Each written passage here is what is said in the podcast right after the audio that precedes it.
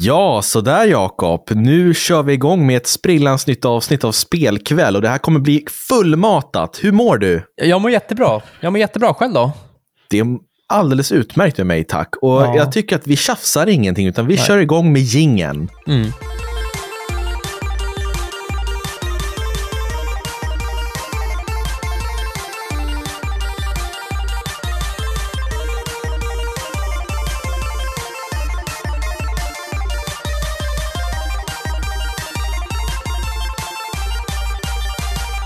Sådär, varmt välkomna ska ni vara till Spelkväll med Robin och Jakob och vi är uppe i någonstans vid 140-talet avsnitt. Det är helt otroligt. Ja, och nu på senare tid har det ju verkligen gått fort.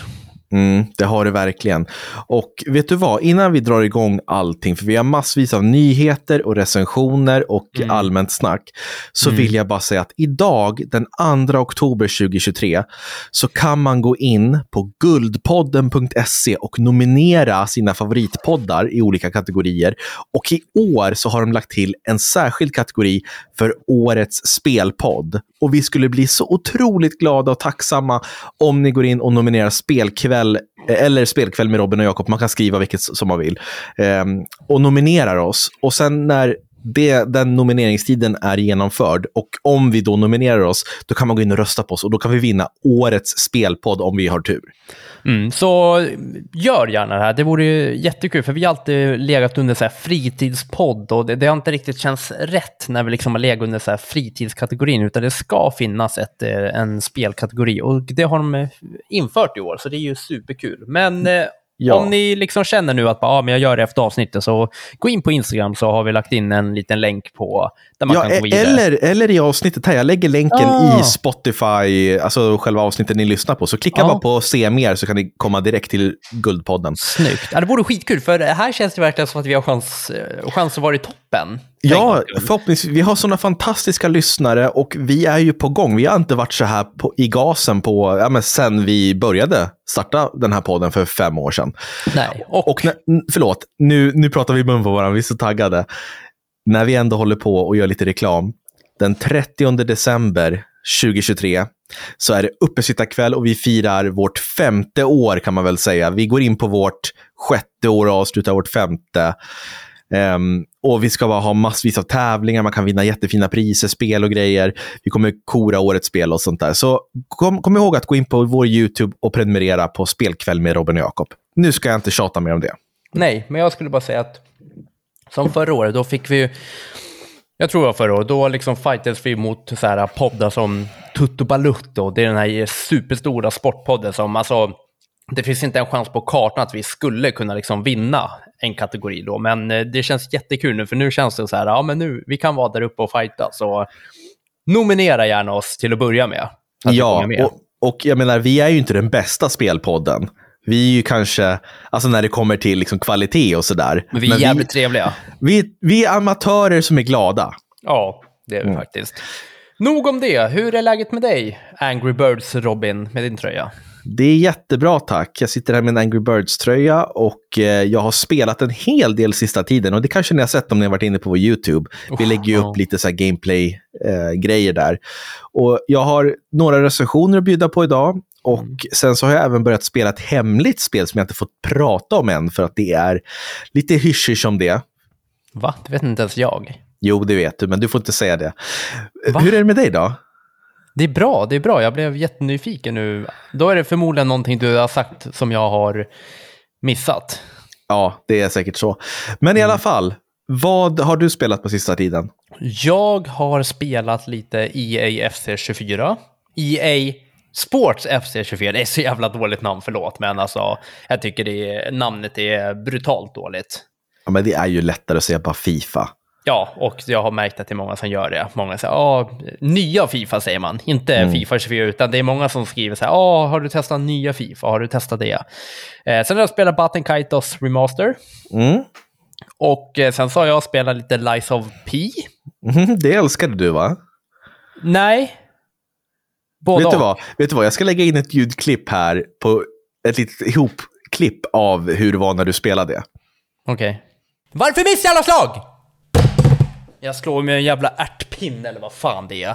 Men det händer inte! Jag lägger ner här, vet ni vad? Tack för en supertrevlig stream. Den här kommer ändå inte komma ut om det inte blir något extra material. Hej då.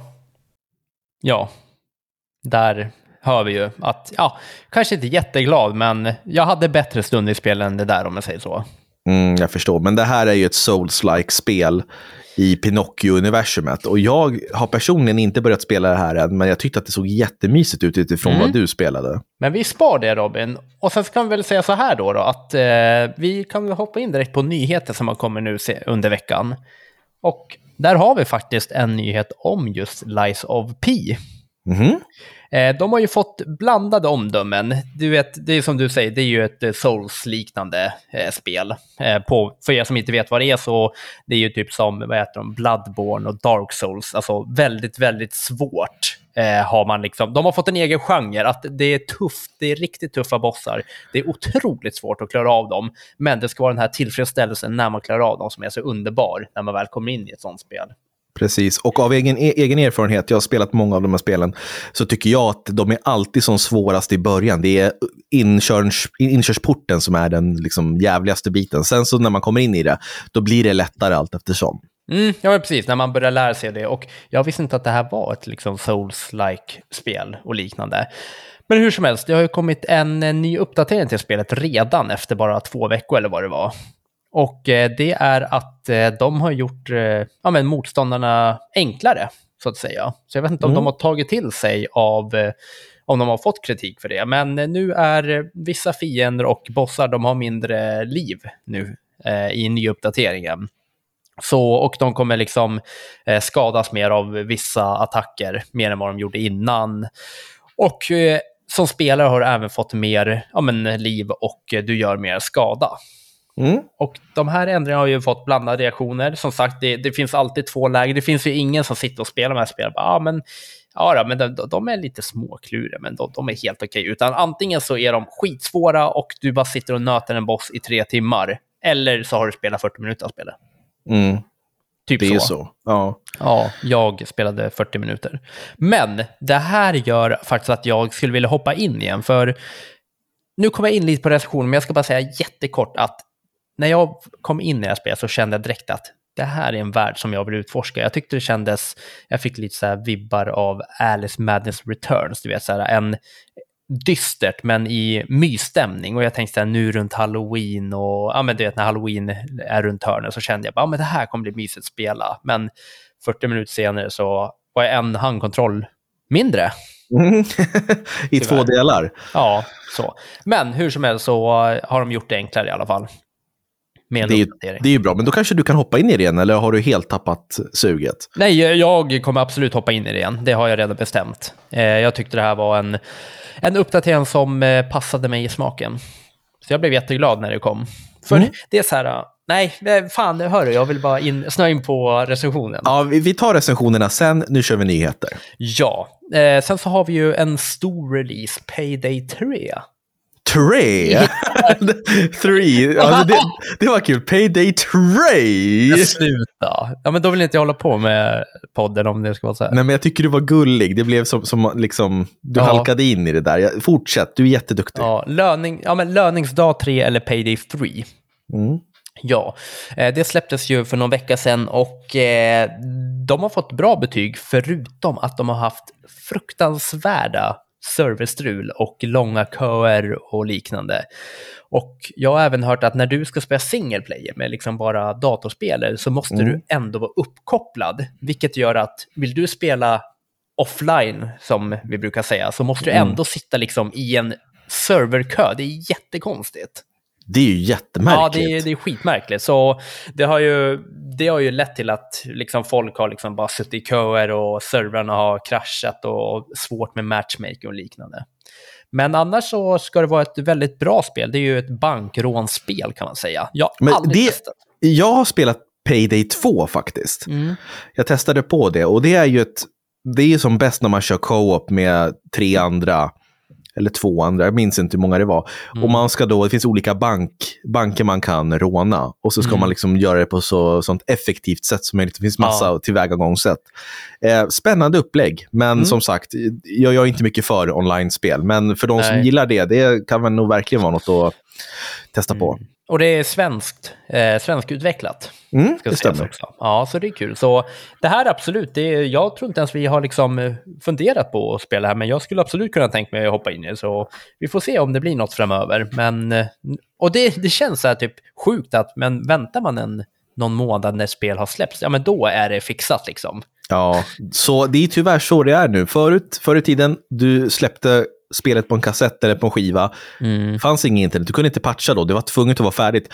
Nu är det lite mer så att, äh, släpp det så kan vi patcha det. Ja, precis. Eh, så det var en nyhet. Sen så måste jag ju bara lägga ett litet slag för det här spelet som är på väg att släppas, Tales of the Shire. Mhm. Är det Ja. ett eh, Sagan om ringen-spel? Ja, eh, man vet inte alls mycket om det här, utan man har fått en liten, liten trailer där det ser ut som typ, man springer runt liksom i, ja vad säger man, i Midgård. Eh, nej, vad heter det? Jo, det heter väl då? Heter Vad inte det? Middle Earth, ja men det heter väl Ja, Midgård? men typ. i, i deras lilla by. Heter, Jaha, i Fylke? Shire? Fylket. Ja, men typ. Ja. Alltså, man, man har bara fått se lite att man är liksom i Fylke, en så här riktig mysvideo. Så det tisslas, tasslas om, aha, vad ska det här spelet egentligen handla om? Kommer det vara några orker? Alltså, kommer, man, kommer det vara lite krig? Eller kommer det bara vara så här ett mysigt, lite så här, typ Animal Crossing-liknande? Mm. Så det tycker jag absolut att vi ska hålla, hålla ett litet öga på vad det kan vara. Och det kommer under 2024. Okej, Ja, så jag vill bara slänga in ett slag att remember the name. okej. Bara det inte är samma utvecklare, Daedalic, som gjorde Gollum. Ja, det vore ju tråkigt. Det, har jag faktiskt inte kollat upp. Nej, okej. Nej. men, men vi håller koll på det. Tråkigt. Fan, Gollum-spel alltså. Jävlar vad dåligt. Ja, jag vet. Men eh, vi släpper det. Ja. Hoppa vidare på nyheter och eh, Baldur's Gate 3 har ju varit ute någon månad kanske. Är det något sånt? Höfta lite. Ja, augusti, augusti september där, ja. Ja. och de har ju redan släppt sin tredje patch. Mm. Ja, så nu har de bara gjort någon eh, mindre patch där du eh, på ett enklare sätt kan förändra vårt ut, ja, ditt utseende som eh, karaktär och liknande. Men jag ville bara flagga för att det har kommit ut en ny patch där. Så Mm. för de som spelar kanske redan märkt det, vem vet. Ja, det lär de ju ha gjort. Ja, och sen så har vi lite nytt till Playstation Plus för, vad blir det, oktober månad. Eh, Mm. och det har kommit lite rykten här nu. Vad är det för rykten då? Det är rykte att eh, det vankas lite, det kommer ett skräckspel i, i namn som heter The Callisto Protocol. Just det. Ja, så det ryktas att det ska komma till Playstation Plus och det har jag inte spelat. Så, Det har jag faktiskt inte heller spelat. Det släpptes förra året och påminde väldigt mycket om Dead Space. Ja, och jag tänkte precis säga det, nu tog du nästan ord ur min mun, men det är ju därför man inte har fått eh, det är därför vi inte har hört så mycket om det, för det släpptes ju precis under Dead Space-remaken. Så majoriteten valde ju säkert Dead Space då, eftersom de påminner väldigt mycket om varandra. Jag minns att recensionerna för Callisto Protocol inte var särskilt höga. Ehm, däremot var ju Dead Space-remaken det. Men eh, vi kan ju ta, ta och spela det här nu runt Halloween tycker jag. För det är ju ett väldigt läskigt spel och det är väldigt så här, köttiga dödsanimationer som jag minns det. Ja, men eh, ska jag väl säga oss, ska jag spela det runt Halloween och så kommer det ut ett litet YouTube-klipp på Gameplay? Det tycker jag låter som en jättebra idé. Då kör vi. Då har vi några nyheter kvar. Det är bara lite snabbt att eh, nu har ju faktiskt Counter-Strike 2 släppts. Det har det ju pratats väldigt mycket om. Det har du. Berätta, jag har inte hängt med alls. Nej, jag har inte spelat CS än jättelänge, men eh, CSGO har ju liksom varit det här eh, spelet som, ja men det det har ju varit en megahit. De har ju alltid haft liksom skyhögt antal spelare inne och liknande. Och nu har de ju valt att göra ett eh, Counter-Strike 2 då. Och det har släppts och det är väl till PC antar jag. Så eh, där får vi helt enkelt, jag vet inte, det är väl ingenting som någon av oss kommer hoppa in i. Men, Aldrig. Nej, men jag kan tänka mig att det finns många som eh, vill spela det. Så om det är någon som har råkat missa det, så in och spela på Steam. Bland annat. Jag måste bara säga det, vad duktig du är idag. Du har verkligen förberett dig med nyheter och liksom är påläst och väldigt intresserad av det du pratar om. Otroligt bra. Tack så jättemycket Robin. Ja, men jag hade lite tid över och jag har börjat hängt med lite mer nu i nyheter. Det känns som att det går hand i hand. När, när vi håller på mycket med spelkväll, då blir man liksom taggad på allt som har med spel att göra. Och det är sån tid nu, du vet, sommaren över, vi går mot mörkare tider, tidigare gamingkvällar. Det kan inte bli bättre. Nej. Och nu kommer ett riktigt spännande rykte här. Far Cry 7. Jaha. Där har de, det här är ett helt nytt upplägg på det här ryktet då, då som, mm, som vi har läst om. Eh, där är det, det handlar egentligen om att din familj i spelet blir kidnappad. Och i spelet så får du liksom så här, ja, du har 72 timmar på dig att ta tillbaka din familj. Och det kommer vara i IRL-timmar också. Eh, kanske lite mindre, jag vet inte exakt antal, men det kommer vara till exempel att det här spelet kommer du liksom behöva klara av på tid. Oj. Ja, för att inte din familj ska dö. Det är ju både en liksom cool twist men också väldigt stressfullt känner jag. Ja, för fan, tänk dig om det är typ så här, ja, men 40 IRL-timmar sen så på 38 timmen så hinner du inte och så dödar de familjen. Ja, det vore fruktansvärt. måste spela om hela skiten. Men det här är bara, vi, vi ska ta det här med en nypa salt som jag Ja, förstår. det ska vi göra, för det, jag tror att det var något väldigt löst rykte, men det är alltid kul med lite sådana rykten. Mm. Och sen så tänkte jag bara säga att nu verkar CD Projekt vara färdiga med eh, Cyberpunk 2077. Med alla patcher och liknande. Så nu får vi väl se om det blir ett Cyberpunk 2 de kommer hålla på att jobba med. Men Ja, men jag har ju hört, förlåt att jag avbryter dig där, Ja. nu släpptes ju deras stora expansion. mm, Eh, och många säger ju det att nu är Cyberpunk färdigpatchat och nu, det är nu det är i det stadiet det skulle ha varit när det släpptes för tre år sedan. Och Ja. nu är jag taggad på att hoppa in i det. det är helt sjukt när man tänker efter. Men alltså Cyberpunk blev ju, det blev ett känt spel också på grund av att det var så jävla trasigt i början. Mm. Men Och det är synd, för att jag Ja. tror att det finns jättemycket bra design eh, i det där spelet. Alltså liksom hur det funkar rent gameplaymässigt, karaktärer, story och allt sånt där. Men Mm. det är så många som bara skitit i det och väntat på just det här tillfället när det skulle bli färdigpatchat. Och nu är det äntligen det. Så jag kommer Ja. hoppa in i det här snart.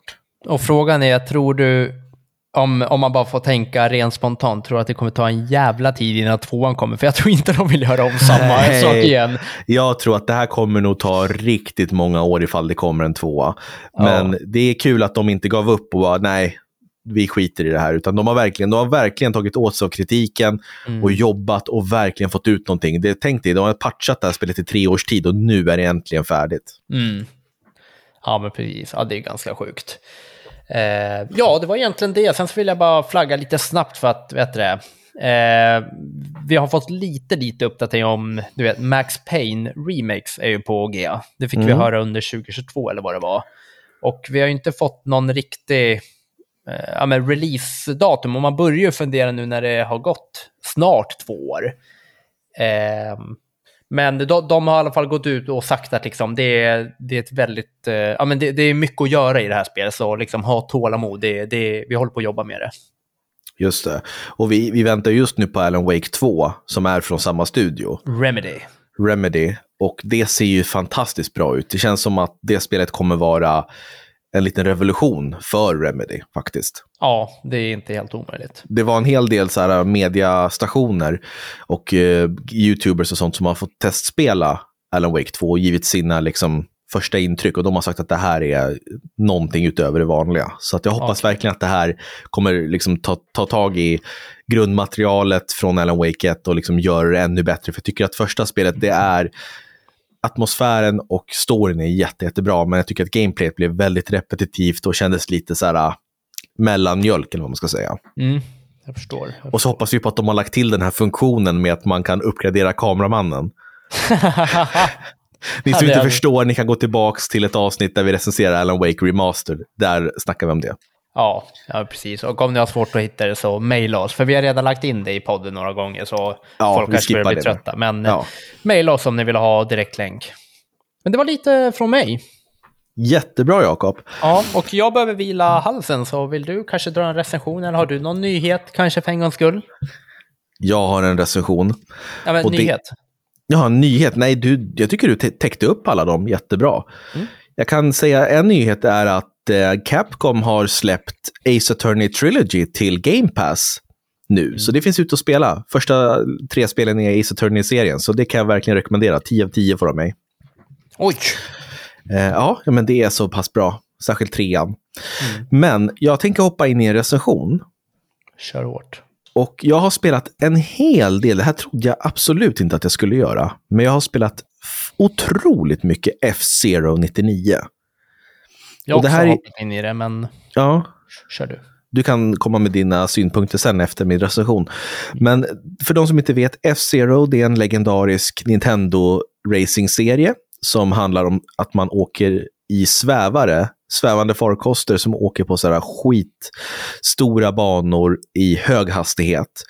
Och det finns liksom en grundmekanik där du kan använda din energi som ditt skepp har till att boosta, alltså få en liten skjuts och åka snabbare. Men då dras din energi ner och går den ner på noll, då exploderar skeppet och du är ute ur tävlingen. Så det är ett racingspel blandat med lite så här äh, risk-reward-system. Och jag tycker att det här är skitkul. Jag har spelat många av F-Zero-spelen genom åren. Mitt favorit är det till GameCube. Och sen nu efter senaste Nintendo Directen så fick vi ett nytt F-Zero, men det var inte exakt det F-Zero jag hade hoppats på. Utan vi fick F-Zero 99 som kör samma upplägg som Tetris 99 som Nintendo också har. Mm. Och det är ett spel som ingår i Nintendo Switch Online om du prenumererar på det. Så har du det så kan du bara ladda ner det. Och du möter 98 andra racerförare online och du ska komma först helt enkelt. Och det finns olika lägen. Det finns bara liksom hoppa in i, en, i ett race. Sen finns det kupper som är riktigt svåra där du måste, jag tror det är fem banor per kupp och i varje kupp så måste du komma liksom bland de övre 80 procenten hela tiden. Um, nej, förlåt. Jo, vänta. Du måste komma bättre. Är, det inte så att när du åker så kan det vara efter varv ett så ska du ligga bland typ topp 80?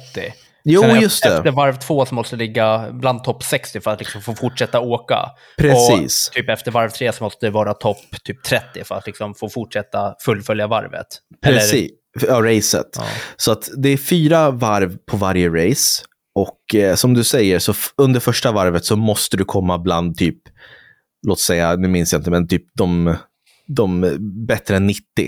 Mm. Så då åker de, de, de 90 och fram till 99, de åker ut. Och sen efter, efter det varvet så måste du komma bättre än de, de åtta som ligger sist. Liksom. Så att det hela tiden så måste du ligga en bit framåt, annars mm. åker du ut. Eh, och i kupperna så blir det ännu värre, för där, där går bara liksom de bästa vidare till nästa varv. Så det åker alltid ut 20 stycken per race fram till finalen. Så i finalen är det bara 20 kvar. Och jag har faktiskt kommit sexa i en kupp. Oj. Det är fantastiskt. Ja. Eh, och det här det är skitsvårt. Man dör väldigt ofta. Banorna är liksom, du måste verkligen ha koll på vilka knappar du ska använda. Du kan liksom hålla i axelknapparna för att verkligen göra tvära eh, vändningar. Men då glider du och kan liksom studsa in i väggen och ta skada. Så det gäller att verkligen, verkligen nöta de här banorna. Och du kan ju Eh, liksom practica dem, alltså öva, köra dem själv. Liksom.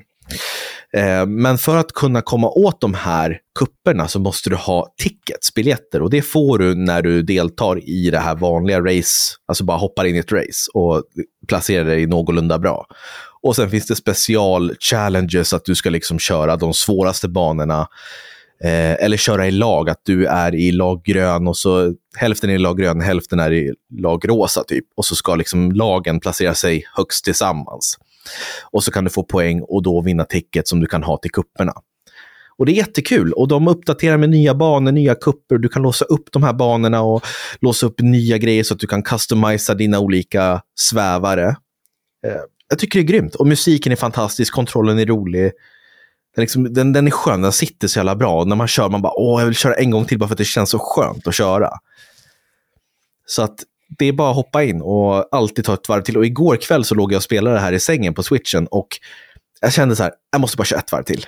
Eh, ett race till så att jag får en ticket till. Och jag, jag brukar inte, du vet, jag hatar att köra online, men det här funkar så bra. Det går snabbt att hoppa in, ett race är över på två minuter och sen är det bara in igen. Mm. Så jag kan verkligen rekommendera F-Zero 99, även för er som kanske inte normalt sett tycker om online-spel.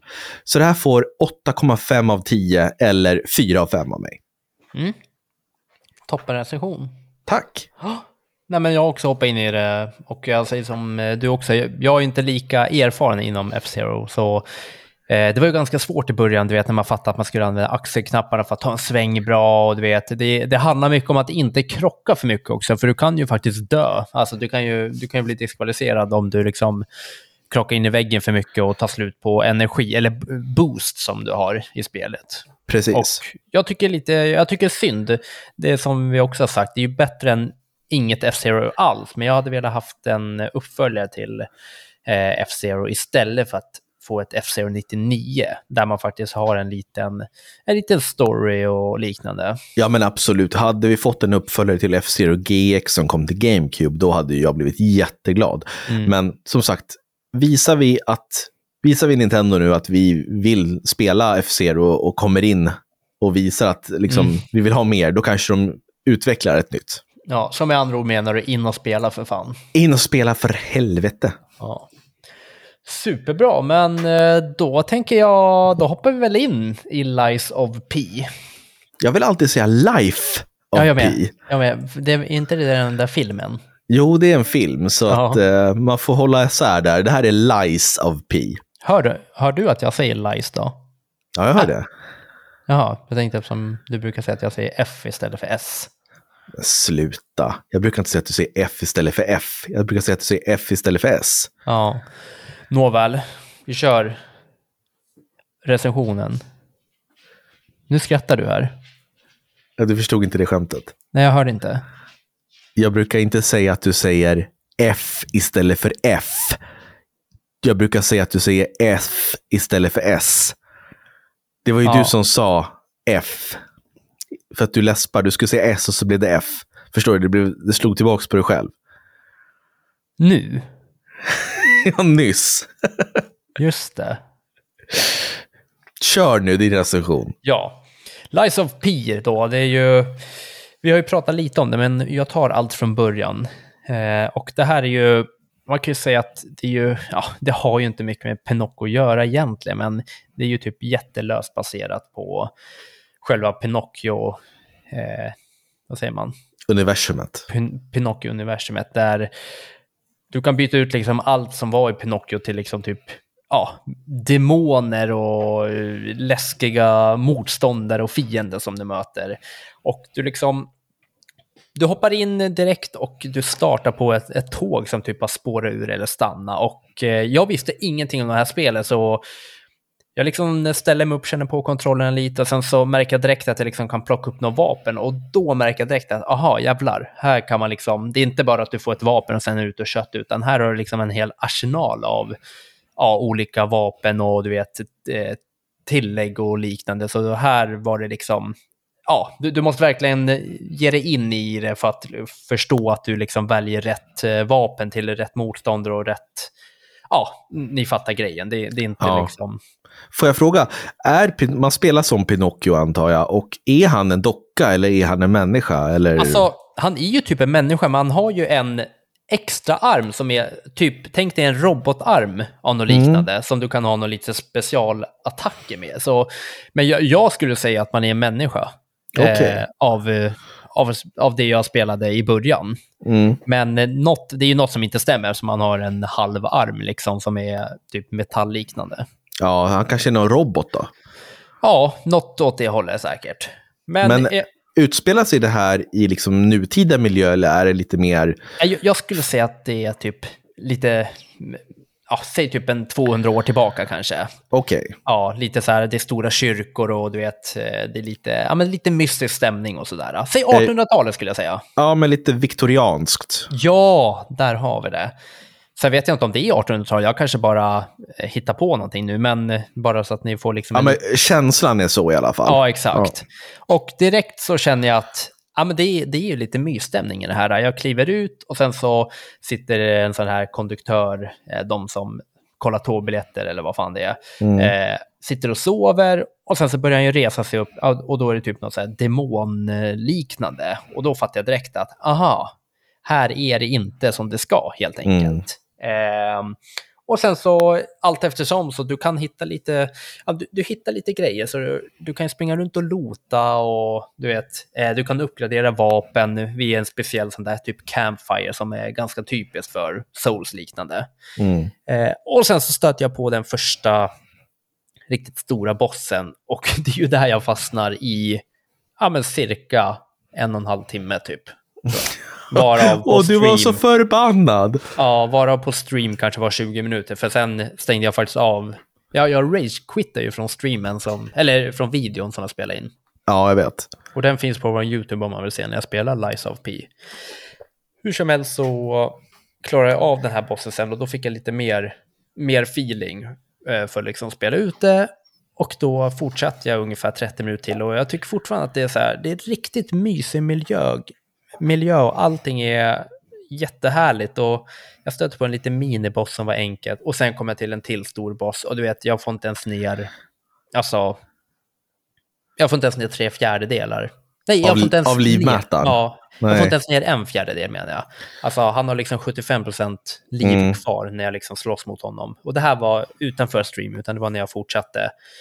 Och då kände jag att nej, jag, jag kommer faktiskt inte orka det här, för allt, det är så jävla mysigt allting runt om. Eh, jättehärlig stämning, det är liksom lite mörkt och dystert som jag kan tycka är liksom trevligt i ett spel. Men jag kommer faktiskt inte orka eh, Nej, när det ska vara det. så här. Och, och så ska man du vet, sätta sig in i det, du vet, och sen kommer det något spel om någon vecka som vi ska eh, ja, men, du vet, testa på. Du vet, det, jag bara blev så här, bara, nej, det får räcka. Liksom. Jag har spelat två timmar av det här, jag kommer inte att sätta mig in i det. Men nu blev det lite annorlunda när de faktiskt har lagt till en annan svårighetsgrad. Mm. Eh, när de har gjort spel lite lättare, för det här spelet hade varit perfekt. Jag tänker mig typ, tänker Uncharted, att det är mer som ett äventyr. Att Mm. du liksom, du, du styr spelaren, men det är mer som ett äventyr. Det är inte jätte, jättesvårt. Eh, de här små pusslarna som finns, de går att lösa och liknande. Så jag har lite förhoppning om att den här nya uppdateringen har, kommer få in mig i spelet igen. Ja, men det hade ju varit roligt, för jag kommer definitivt spela det här. Ja, Och jag kommer bli förbannad och fastna, men jag, jag, jag tar mig igenom det till slut. Mm. Men jag undrar, när man dör, tappar man alla erfarenhetspoäng eller får man några erfarenhetspoäng? Eller, alltså för, för i vanligtvis när man spelar ett Souls-like spel, Mm. då när, när du besegrar fiender och sånt så får du ju erfarenhetspoäng eller själar eller någonting, en slags valuta som du kan Ja. använda för att köpa saker och uppgradera din karaktär. Mm. Dör du då, då tappar du dem och så kan du springa tillbaka till var du dog och plocka upp dem. Men dör du igen på vägen dit, då försvinner de för evigt. Är det något liknande här? Det vet jag faktiskt inte, för jag sprang ju alltid och plockade upp mitt lik, så att säga. Ja, men eh, det fanns ett lik att Ja, plocka det, upp. ja eller, precis. Ja. Så dör du, när du dör mot det här boss, då springer du liksom dit och sen plockar upp din, ja, men dina tillhörigheter, eller vad man ska säga. Och Men då lär det ju vara så. Ja, det känns väl som att det är så, eftersom det är liksom samma, ja, samma utvecklare, eller vad man ska säga. Mm. Ja, men hur som helst, så det är ju liksom där vi är egentligen eh, och där jag eh, kommer pausa den här recensionen. Och då säger jag verkligen pausa, för just nu så kommer jag nog lägga ett betyg på 3 av 5. Det är ett bra spel. Eh, Jag vill inte dra ner betyget för att det är svårt när det är ett sånt spel. Då hade jag lika gärna kunnat struntat i och hoppa in i spelet, om jag nu Mm. ska vara sån. Men 3 av 5 för att det ändå är lite svårt. Det, det har väl lite grafiska, alltså det är ju det är en jättehärlig miljö, men man märker att det är ju inget så här, äh, jag tycker inte att det är ett AAA-spel i grafikmässigt. Nej. Nej, men jag kan säga att det här kan, det kan gå väldigt högt om det är så att jag liksom får spel, ja men spelsuget tillbaka. Ja, men ja, förhoppningsvis så får du ju det. Så kanske vi kan komma tillbaka till recensioner och så blir det en fem av fem. Ja, det, det, det absolut. Fem av fem känns långt ifrån, men eh, det är inte helt omöjligt för jag, jag tyckte det var skitkul när jag, när jag spelade det. Mm. Men då så, då kan vi se fram emot andra halvan av eh, Jakobs recension av Lies of P. Och det finns ju också på Game Pass för de som vill testa på Xbox. Mm. Just det, det var där jag spelade. Yes. Snyggt, bra Jakob. Tack. Ska vi gå vidare till ett gemensamt spel och recensera? Ja! Det här är, det här har jag pratat så mycket om och vi kan väl hålla det ganska kort för jag kommer göra ett nördprat om det här i framtiden. Ja, det kommer du. Eh, men vi har spelat Batten Kaitos 1 plus 2 HD Remaster. Det här är de två första och enda spelen i Batten Kaitos-serien, rollspel som kom till GameCube. Det är första spelet, Eternal Wings and the Lost Ocean, och uppföljaren Batten Kaitos Origins, som är en prequel, utspelar sig innan första spelet. Mm. Och Det här har då släppts i Switch och eh, jag har spelat det första spelet och testat på det andra. Och jag tycker ju att det här är ett fenomenalt bra spel som har åldrats otroligt bra. Det, har, det känns bättre nu faktiskt än vad det gjorde när det släpptes 2005. Och för dig är det ju första gången du spelar. Och jag kan väl bara gå, gå igenom kort vad det handlar om och hur upplägget är, så kan vi höra dina eh, intryck också. Mm. Men i första spelet så spelar du som en kille som heter Callas. Han har en skyddsängel, eller vad man ska säga, och det är du som spelare. Så han talar liksom till dig, för du är, i den här världen så är du en slags ängel som kommer från en yttre värld och ska vaka över honom. Så han talar direkt till dig som spelare. Det tycker jag är lite häftigt faktiskt. Um, och det handlar om att han ska ha hämnd mot en man som heter Giacomo som hade ihjäl hans farfar och hans bror. Och under den här jakten så träffar Callus på en eh, kvinna som heter Shella. Och hon har ett helt annat uppdrag som han eh, ofrivilligt hamnar med på och sen så blir det mycket större och handlar om jordens undergång och allting. Det som är så unikt med Batten Kaitos, det är att spelet utspelas uppe i luften på olika kontinenter. Ingen i den här världen har varit nedanför molnen. Ingen har varit på marken. Alla pratar om så här, åh, det är, liksom, det, det, det är mer som en saga att man kan bo på marken. Så allt händer uppe i molnen. Och stridssystemet i det här japanska rollspelet är inte liksom hack and slash, att man står och trycker och hamrar. Och det är inte att man väljer olika saker i en meny, som man kan tänka sig att det brukar vara. Utan här använder du kort för att attackera. Och det här låter ju jättekrångligt och tråkigt, men det är så otroligt enkelt när man väl har förstått sig på det. För varje karaktär har en kortlek där du kan sätta in attackkort och försvarskort. Och sen så kommer det upp bilder då på de här olika eh, vapnena som används som attackkort och de här sköldarna eller rustningarna eller vad det nu kan vara som är försvarskort. Och på de här korten så finns det olika siffror. Och det enda du behöver tänka på är att när det är dags för dig att, att, att attackera, då väljer du attackkort, alltså typ bilder på svärd eller på knivar eller vad det kan vara. Och sen så, om du har tur så kan det komma kort som har liksom siffrorna 1 och 2. Så då är det bara att du trycker först på ettan och sen tvåan. Och då får du en stege, för det, det är ju 1 och 2. Och då får du några procent mer i skada när du gör din attack. Och det funkar också åt andra hållet. Om du trycker på tvåan först och sen ettan, då är det också en stege fast neråt. Och sen så om du får kanske två kort som där det står två på ena och två på andra, då får du ett par och då gör det ännu mer skada. Och ju längre in i spelet du kommer, desto fler kort kan du använda under samma tur eller omgång. Så till slut kan du bygga liksom så här, ah, men kanske kan man använda fem kort och så får du ett, två, tre, fyra, fem. Och då får du en riktigt sjuk stege och så blir det jättemycket bonusskada eh, och sådär.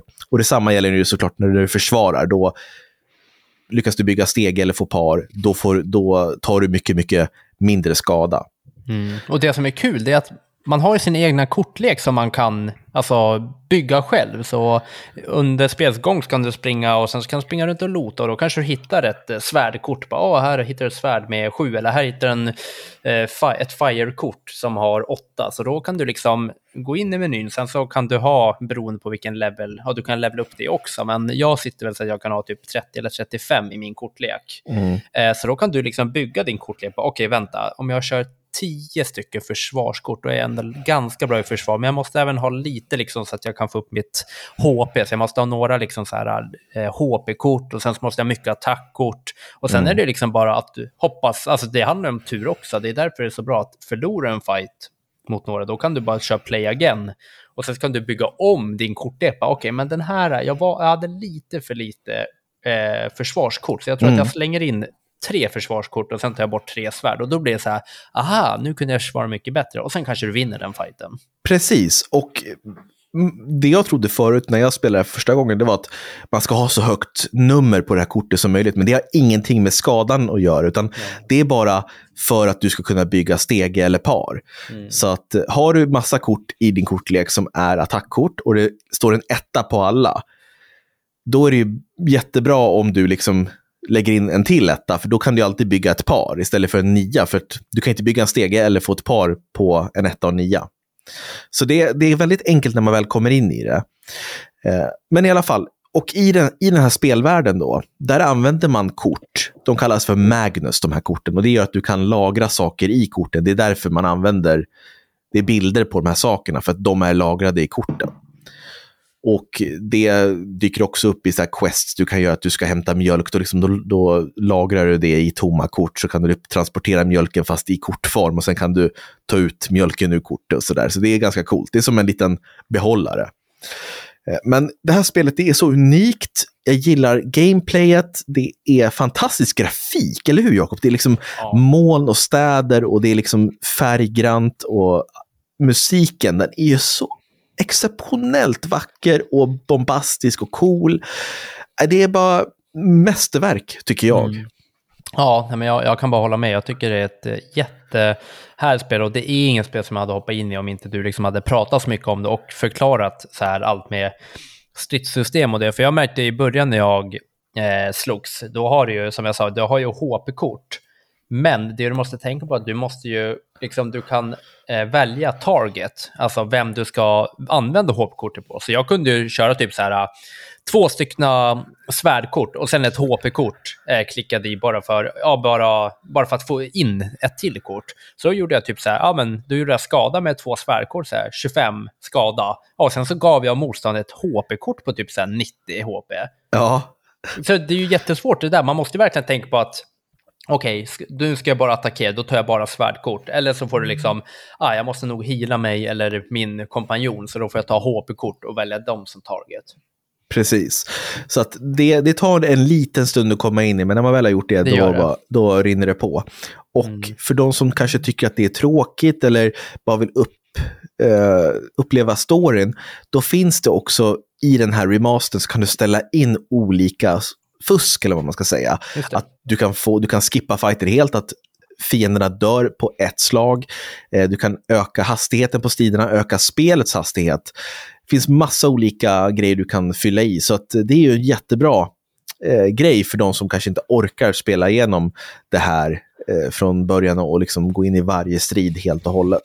Ja, precis. Och jag, jag tycker väl, det kanske, jag har sett att det är runt typ 40-50 timmar, mm. eh, kampanjen tyvärr lite för långt för mig. Alltså, för det blir ganska mycket samma grej av det här uh, när man har spelat. Jag tror att jag kanske är inne på 20-25 timmar. Mm. Det blir ganska mycket samma grej. Du, du, du fattar grejen, du har din kortlek som du inte byter ut fasansfullt mycket för du känner liksom bekväm med den. Du kanske byter ut en grej här och där. Mm. Det som är kul är att du får ju fler karaktärer. Jag tror att jag har tre karaktärer nu som man kan spela som och du kan ju bygga mm. alla kortlekar, du kan levela upp alla. Men tyvärr så jag hade sagt att det här spelade rätt alltså lätt räckt att vara typ 20 timmar. För nu, eh, jag ska erkänna, nu börjar jag känna lite så att jag inte är jätte, jättesug. Alltså att hoppa in för det känns som samma, man, kommer göra samma grej liksom. Mm.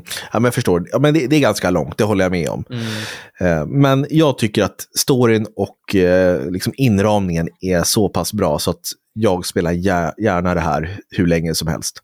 Mm. Sen uppföljaren, det följer ett liknande stridssystem, men det använder också kort, men det är helt annorlunda. Eh, jag tänker inte gå igenom det nu här eftersom eh, vi redan har gått igenom så mycket med korten, men det är lite också att alla har samma kortlek. Så okay. de här tre huvudkaraktärerna, de liksom, man, man går direkt in i varandras tur, omgång, eh, och liksom bygger kombos tillsammans på ett annat sätt. Eh, jag tycker det, det styrsystemet är väl roligare på ett sätt, men jag föredrar det andra för att jag gillar att alla har separata, unika kort och sånt där. Mm. Men i alla fall, Batten Kaitos, eftersom det här är en HD-remaster på ett spel som jag älskar, plus dess eh, prequel också, mm. i ett paket till Switch. Och jag tycker att det är ett helt okej okay, eh, remasterarbete, även ifall det är ganska låg eh, bilduppdatering. Jag tror det är 30, bilduppdate- 30 frames per second Mm. eh, och ganska låg upplösning. Men du kan spela det på Switch. Så det får av mig 9 av 10, det får 4,5 av 5 eftersom det är lite, lite knackig remaster. Men som sagt, köp det här så att vi får ett ordentligt Button Kaitos 3. Mm. Perfekt. Jo, jo, en sak som också drar ner betyget.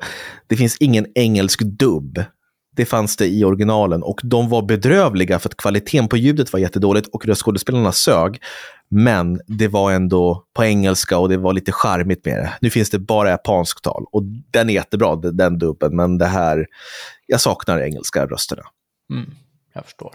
Ja, men superbra. Jag, jag skulle nog lägga mig på runt 3,5 till 4. Mm, men jag, jag respekterar det, det är, det är jättebra. Jag, jag trodde också att du skulle lägga det där, men det, det, det betyder att du, du tyckte det var kul i alla fall. Ja, gud ja. Det är ett jättebra spel. Jag har ju för fan spelat typ 20-25 timmar av det, så Kul. mm, faktiskt. Och sen så ja, kan vi bara slänga in att jag har testat på Red Dead Redemption. Eh, en liten eh, remaster Ja, precis. ja, till, Playstation, som, till Playstation 4. Ja, inte jag- Playstation 5. Nej, utan det var till Playstation 4. Jättekonstigt, men jag spelade ju på Playstation 5, men PS4-versionen. Ehm, och den har jag också streamat och blivit förbannad. Eh, och det är också för att jag, hitt, jag hittade en bugg. Eh, där, jag, där man ska köra ett hästrace. Och när man ska över en bro så styr hästen antingen åt höger eller vänster eh, av sig själv ner för ett stup. Du kan alltså inte springa rakt fram över bron. Ja, det, här, Eh, det här är så kul. Det här är så jävla kul. Mm, det var också märkligt. Och utöver den buggen så, den tog ju också typ så här äh, 10-15 minuter. Men jag spelade väl kanske en 20 minuter till efter det och eh, nej men det...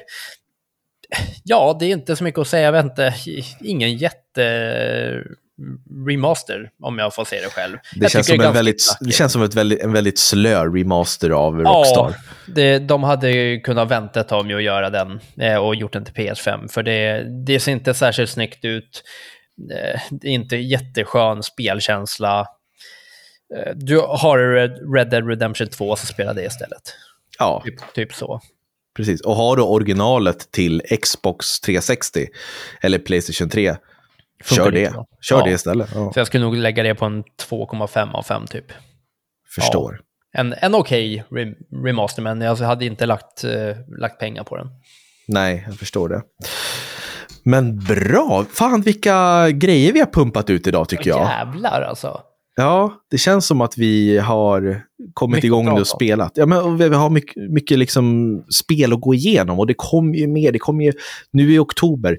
Alan Wake 2, Spider-Man 2. Oh. Vi har, alltså jag kommer inte ens ihåg allting, men det är fullproppat med nya spel.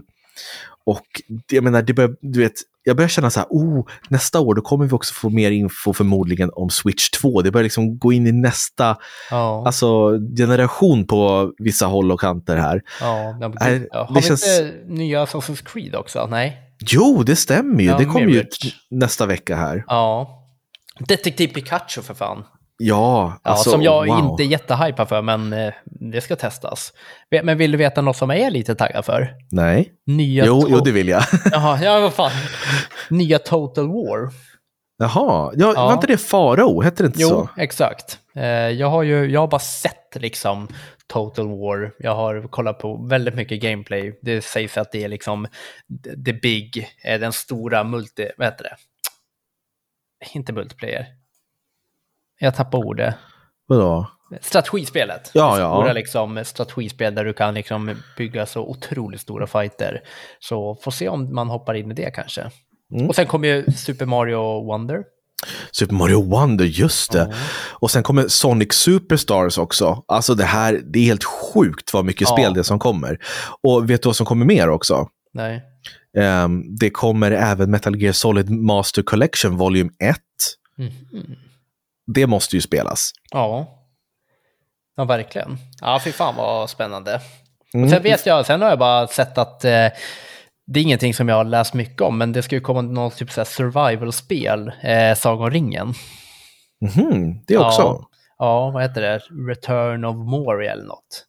Okej. Ja. Jag är ju taggad på, det finns ju ute en demo nu till Switch, men också finns till, till Steam och sådär.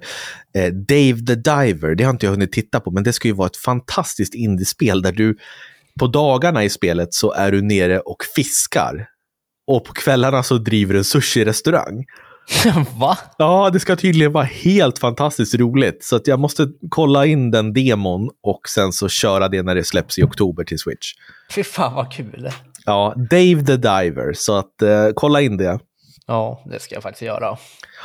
Ja, men du, då tycker jag att vi tar och rundar av där Jakob, så får jag tacka så hemskt mycket för ditt engagemang idag. Tack själv, tusen tack. Jättetrevlig podd och vi, vi kommer typ köra en podd snart igen. Jag tror det. Vi, vi är på hugget nu. Och det Ja. kommer alltid någon gång i veckan lite gameplay-video där jag eller Jakob testar på ett nytt eller ja, men liksom något, något spel som vi verkligen brinner för. Mm. Så håll koll på YouTube och prenumerera där också. Glöm inte bort det. Och Jajamän. kom ihåg nu också, efter när ni har lyssnat på den här podden, gå in och nominera oss till Guldpodden på guldpodden.se. Tack så jättemycket för att ni har lyssnat. Ni är bäst. Ja, Mm. var det där chips, Jakob? Ja, och ikväll ska jag faktiskt kolla på Spiderman. Aha. Okej. det var random. Bra. Då så. Vi hörs hörni. Ha det bra Jakob. Hejdå. Ja, det Alltså, det där var så jävla random. var det faktiskt. Jag tänkte, eftersom jag tänkte säga det runt Spiderman-spelet, men det tog för lång tid så det blev bara märkligt. Ja, men då skulle du bara ha varit tyst istället. Ja. Ja. Hej då.